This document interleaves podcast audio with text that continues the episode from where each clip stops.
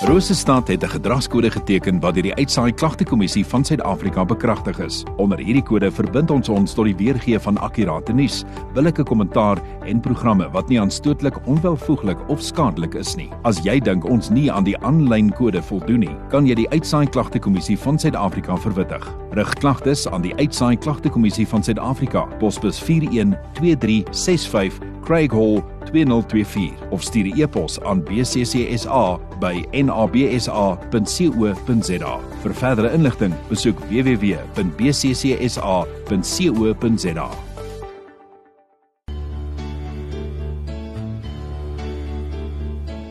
Tyd vir oggendgodsdiens op 100.6 FM. As jy pas ingeskakel het, is jy ook net betyds vir ons oggendgodsdiens en dan pastoor Rian de Bruin van die AGS Siloam wat saam met my in die uh, saam met ons in die ateljee is. Ehm um, pastoor, welkom. Baie dankie Cyril. Ehm um, as ek vir jou mag vra, is daar miskien 'n tema vir die week of 'n tema vir die dag? Hoe gaan jy die week hanteer vir ons? Ek gaan praat oor hoop in die donker nag en jy het nou nou verwys terwyl ons hier gesit en gesels het toe ons nou nie op die lig was nie. Gepraat oor Friends. Nou maar ek moet waarsku hier is nou nie 'n sitkom preek nie, so ek moet vir die luisteraars waarsku. Yes, yes. Alright. So bly ingeskakel. Ehm um, is daar 'n skrifgedeelte wat ons ook na kan kyk? Ek gaan uit Habakuk uitwerk, ja. Kom kyk. Alright. So ons kan ons lank daar oopmaak. Hier is ons vir musiek van uh, Brandon Murphy met 'n uh, look at what grace can do.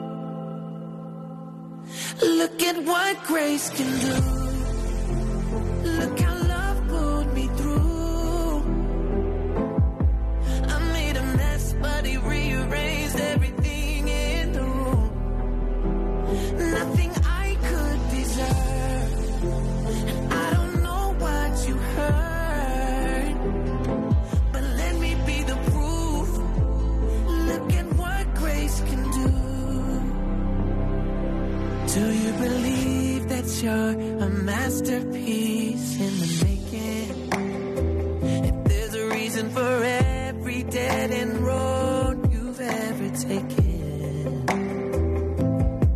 it doesn't matter what you've ever done. Jesus can make it new.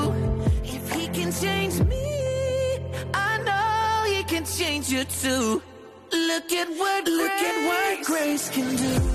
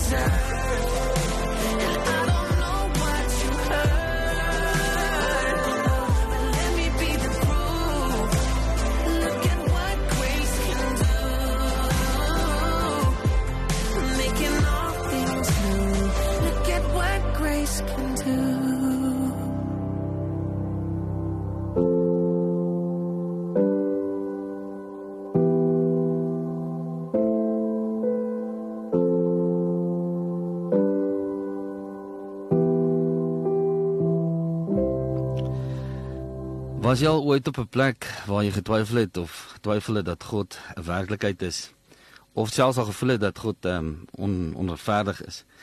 Ehm um, ek het al verskeie kere in my bediening ervaar dat ek in 'n woestyntydperk is en dat ons 'n seisoen beleef waar ons voel dat die Here is nie daar of hy's onregverdig, jy weet, en mense mense dit nou nie dink nie, maar selfs aan die bediening het ehm um, het ek al my werk verloor. So ek kan met jou assosieer as jy ook op daai plek is.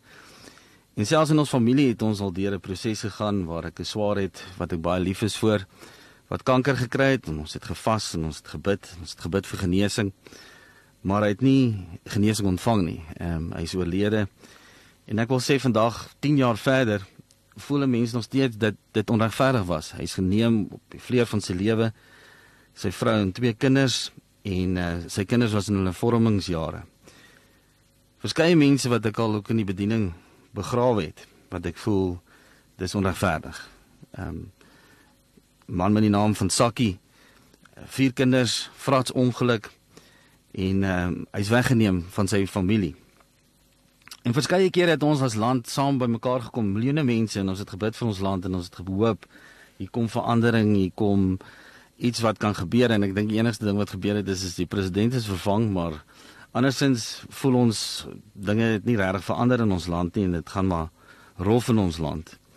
Mense is hatig teenoor mekaar, ehm um, meer as ooit van tevore. Die politieke arena help ook nie regtig waar nie, werklik waar daarmee nie en dis asof daar net dinge agteruit gaan. Die rand, soos hulle sal sê, is in sy piekie en die petrolprys is nie waar hy moet wees nie. Is die hoogte in En uh, ons bid vir ons land en ons vra Here hoekom? Hoekom wil die dinge nie verander nie? Hoekom is dit so onregverdig? Hoekom is daar ongeregtigheid? Nou ek wil vir vanoggend graag met jou gesels uit uit Habakuk uit. 'n klein profeet in die Ou Testament. Hy was nie 'n groot profeet soos Jesaja nie. As jy dit nou wil vergelyk met vandag, hy het vir die provinsiale spanne gespeel, nie vir die Springbok span gespeel nie. Ehm um, en hy het geleef en geskryf so 600 jaar voor Christus gebore is. Maar wat hom anders maak, hy was totaal en al anders as die ander profete, want profete wat hulle gedoen het, is hulle het namens God met die mense gepraat. En uh Habakuk was anderste, want hy het uh, 'n uh, boodskap ontvang van die Here en namens die mense met God gepraat. Nou net so 'n bietjie agtergrond te gee. Juda was geseënd, ehm um, wel dit so op die oppervlak gelyk of dit goed gegaan het. Dit was half oë vir blindery.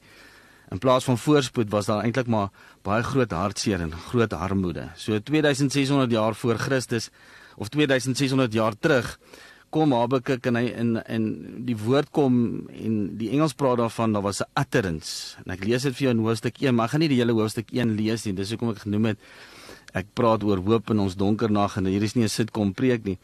Maar hy ontvang 'n boodskap in die Engels praat hy van 'n utterance. In die Afrikaans moet dit eintlik gesê het 'n verdoemende boodskap wat hy ontvang het. En in in vers 2 roep hy en hy vra Here, wanneer gaan U ons red? Wanneer gaan U ons help? Wanneer gaan hierdie ongeregtigheid ophou?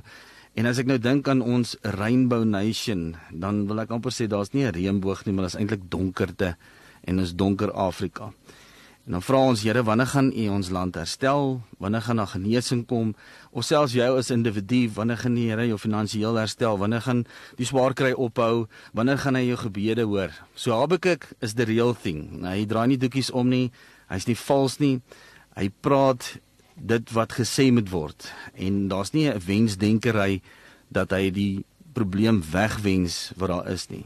Wat Habakuk doen is hy omhels en hy stoei. En dis juist wat sy naam ook beteken, is omhels en stoei. So ek wil hê ehm um, Cyril en Ilda sit nou saam met my in die ateljee, maar ek wil hê met na die persoon toe na jou as jy in die kar is, draai of selfs jy daar in die sitkamer sit en jy's ingeskakel of as jy van die kantoor af inskakel en jy vir die persoon langs jou sê, "O, oh, o, oh, hier kom 'n probleem." Uh, miskien met Ilda en Cyril ook vir mekaar sê, "O, oh, oh, hierdie is nie 'n sitkom preek nie. Hy het nou nou gepraat van Friends en ek het dit aangehaal. So dit gaan nie wees dat ek nou hier's 'n drama en uh hier's 'n moeilikheid en dan 30 minute later gee ek vir jou die oplossing in die woord uit nie. Partykeer het ons nodig om met die Here te worstel. Teologies is daar nie 'n probleem met dit nie. Dit is miskien goeie kommunikasie of effektiewe kommunikasie om te sê hier's 'n probleem en hier is die oplossing daarvoor. Ehm uh, maar hier is 'n situasie En uh, kom ek gee vir jou 'n voorbeeld. Jy het miskien 'n goeie werk, jy verloor jou werk op een of ander ander uh, onverklaarbare manier verloor jy jou werk. Jy gaan op die knieë en jy bid en jy vra vir die Here dat hy vir jou sal voorsien. En waar is wragtig, hy voorsien vir jou 'n beter werk met 'n beter salaris of jy's enkel lopend, ehm um, jonge dame of jonge man en jonge heer, soos hulle die mooi Afrikaans sal sê. En en jy bid en jy vra van die Here vir die regte pasmaat en uh, jy is jonge dame ontmoet hierdie ou of hierdie jong man en sy pa het 'n multimiljoen rand se besigheid, julle trou op 33 besluit om dit te verkoop en julle is miljonêers en julle het 'n goeie lewe. Dis nou 'n sitkom preek. 'n Sitkom situasie. Ehm um, maar die die werklikheid is ook dat jy jou werk verloor en jy's goed gekwalifiseer en jy bid vir 'n lang tyd en dan gee die Here vir jou werk maar dis nie die werk wat jy voor gevra het nie. Jy kry minder geld, jou situasie het verander of jy het 'n goeie huwelik en ewe skielik kom jou man of jou vrou na jou toe en sê luister, ek het jou nie meer lief nie. Ek het iemand anders te lief en dan gee hulle jou die skuld en hulle vat nie verantwoordelikheid daarvoor nie. So dit is waar dit kom dat dinge nie altyd so voorspoedig is soos wat ons dink dit is nie. Um of iemand word siek in jou in jou familie of jy kry kanker en en jy besluit in geloof jy gaan hierdie ding vat, jy gaan veg, jy gaan chemo deurgaan en die kanker verdwyn net om te sien dat 'n paar jaar later as jy gaan vir 'n ondersoek het die kanker weer teruggekom. Ek wil vanoggend vir jou sê dat ons met met die Here worstel, ons moet hom omhels. En dan baie keer in hierdie moeilike tye dan kom kinders van die Here en en, en ek dink hulle intensies is baie goed en is baie mooi. Hulle kom na jou toe en sê jy moet net op die Here vertrou, net op die Here vertrou. Daar's niks fout met daai teologie nie. Maar as iemand vir my sê in 'n moeilike tyd jy moet net op die Here vertrou, alles sal regkom, dan wil ek graag vir hom ronde handjies oplê, nie noodwendig oop handjies weet oplê nie. En baie keer voel ons ook so dat jy gaan deur 'n moeilike tyd en hier in vers 3 kom Habakuk en hy sê die volgende, hy sê waarom laat u my onreg sien en aanskou u die moeite? Ja, verwoesting en geweld is voor my oë en daar is 'n stryd en 'n twis begin. Daarom verloor die wet sy krag Die reg kom nooit meer te voorskyn nie, want die goddelose omsingel die regverdige. Daarom kom die reg verdraai te voorskyn. So omgeskom opgesom kom Habakuk en Habakuk en hy sê: "U doen nie reg nie, Here, as as as U my 'n kans gee om dalk Israel te regeer, dan sal ek dalk iets weet iets anders te doen of dit op 'n ander manier doen." En ek dink ons voel baie keer ook so. U gee nie regtig om nie, Here. Die krag wat daar moet wees, die dinge wat U moet doen, die onregverdigheid wat weg moet weggevat moet word. Hoekom gebeur dinge nie. Mens voel asof God dinge kan anders te doen. Here, jy gee nie aandag nie. Ehm hier is die vraag, is dit is dit verkeerd om God te bevraagteken? Bevraagteken, ek wil vir jou vanoggend um, die die ehm um, vir jou sê dat die woord sê omtrent 'n derde van die psalms gaan oor pyn en waar Dawid uitroep en sê Here, ek het U nodig uh boeke in die Bybel wat juis gaan oor uitdagings wat ons vandag beleef. Job, Prediker, Jeremia, klaagliedere wat sê mense wat sê God ons verstaan nie, ons ons trek in twyfel u regverdigheid. En selfs Jesus toe aan die kruis moes hang, het hy op 'n stadium gesê, "My Vader, hoekom het U my verlaat?" Hy het ook die vraag gevra. So kom ek verduidelik gou-gou vir jou. Jy is dalk op 'n plek wat jy jou hart en jou lewe vir die Here gegee het. Jy's besig om te groei in die Here en jy gaan na 'n kerk toe en jy voel elke boodskap is vir jou. Elke keer as jy in die kar klim en sitel speel in die oggende daai uh, geestelike lied, dan voel jy daai lied is vir jou. Jy gaan dorp toe en jy bid vir die regte parkering en jy kry die regte parkering sommer baie naby aan die winkel. En dan begin die lewe jou te tref. Dinge gebeur met jou. Jy kom in die kerk, preke is so raai, miskien dalk nie vir jou nie. Jy klim in jou kar, jy ry dorp toe en jy moet 6 km ver stap om by die winkel uit te kom. Ehm um, en daar gebeur slegte dinge met jou. Slegte dinge in jou in jou familie. Ehm um, jou Christen kerel los jou en uh jy het na hom opgekyk of jy beleef krisisse. Jy beleef krisisse rondom jou en jy vra Here, wat wat is aan die gang? Nou op hierdie stadium het ek jy een van twee keuses wat jy kan maak. Ek dink die eerste een is, is om positief te bly en ek dink baie keer van ons as kinders van die Here sê wees net positief, bely die positiewe, moenie na die negatiewe kyk nie en jy sal fyn wees. Ehm um, God bly goed en dit is waar, dit is so. God is goed. Maar dan kan mense ander keuse maak. Ehm um, om te sê, Here, as U my nie beantwoord nie, Here, as U nie daar is nie, ek gaan nog steeds kies om U te worstel. Ek dink dit is baie keer waar mense gederail word, as ek die Engelse woord kan gebruik. Mense verlore gaan in hulle geloof. Hulle bid, vertrou die Here dat iemand aangeraak moet word in hulle familie. Hulle bid vir daai persoon, maar hy word nie gesond nie. Dit is baie keer waar mense hulle geloof verloor in God. Maar die derde opsie wat ek vanoggend wil gee is is in die middel van jou pyn en jou verwarring om te besluit, Here, ek gaan met U worstel. Ek verstaan nie, ek is nie mekaar, maar ek gaan nie omhels. En as ek kom omhels, weer eens, is dit 'n sitkom preek? Kom die antwoord? Nee, nee, nie noodwendig nie. Partykeer gaan dit nog slegter. Maar dan wil ek vir jou sê is daar 'n skrifgedeelte wat sê in Jakobus: "Ag dit louter vreugde wanneer daar allerlei probleme op julle pad langs kom." Ek wil dit vir jou lees in 'n 'n baie mooi vertaling. Hy sê: "My liewe mede-Christen, wees opgewonde as julle geloof by elke geleentheid getoets word. Julle weet mos hoe goed dit vir julle geestelike lewens kan wees. Die slegte dinge wat met julle gebeur, toets of julle werklik die Here vertrou. As dit jou sleg gaan, leer julle juis om nader aan die Here te leef.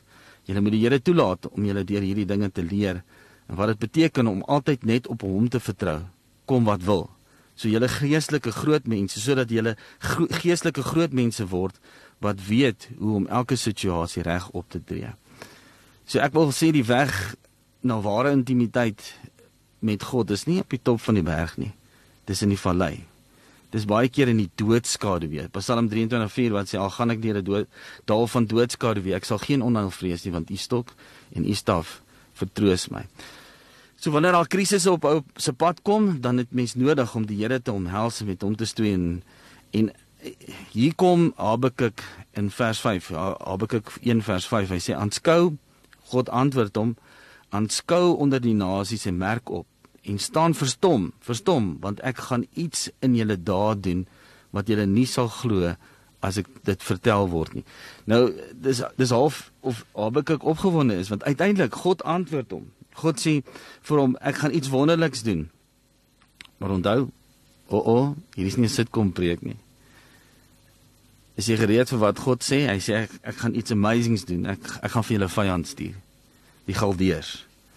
Ehm um, en hulle is 'n ongenaakbare volk. En dit gaan nie goed gaan met die volk Israel nie. Nabekik 1 vers 12. Is u dan nie uit die voortyd nie, o Here, my God, my heilige?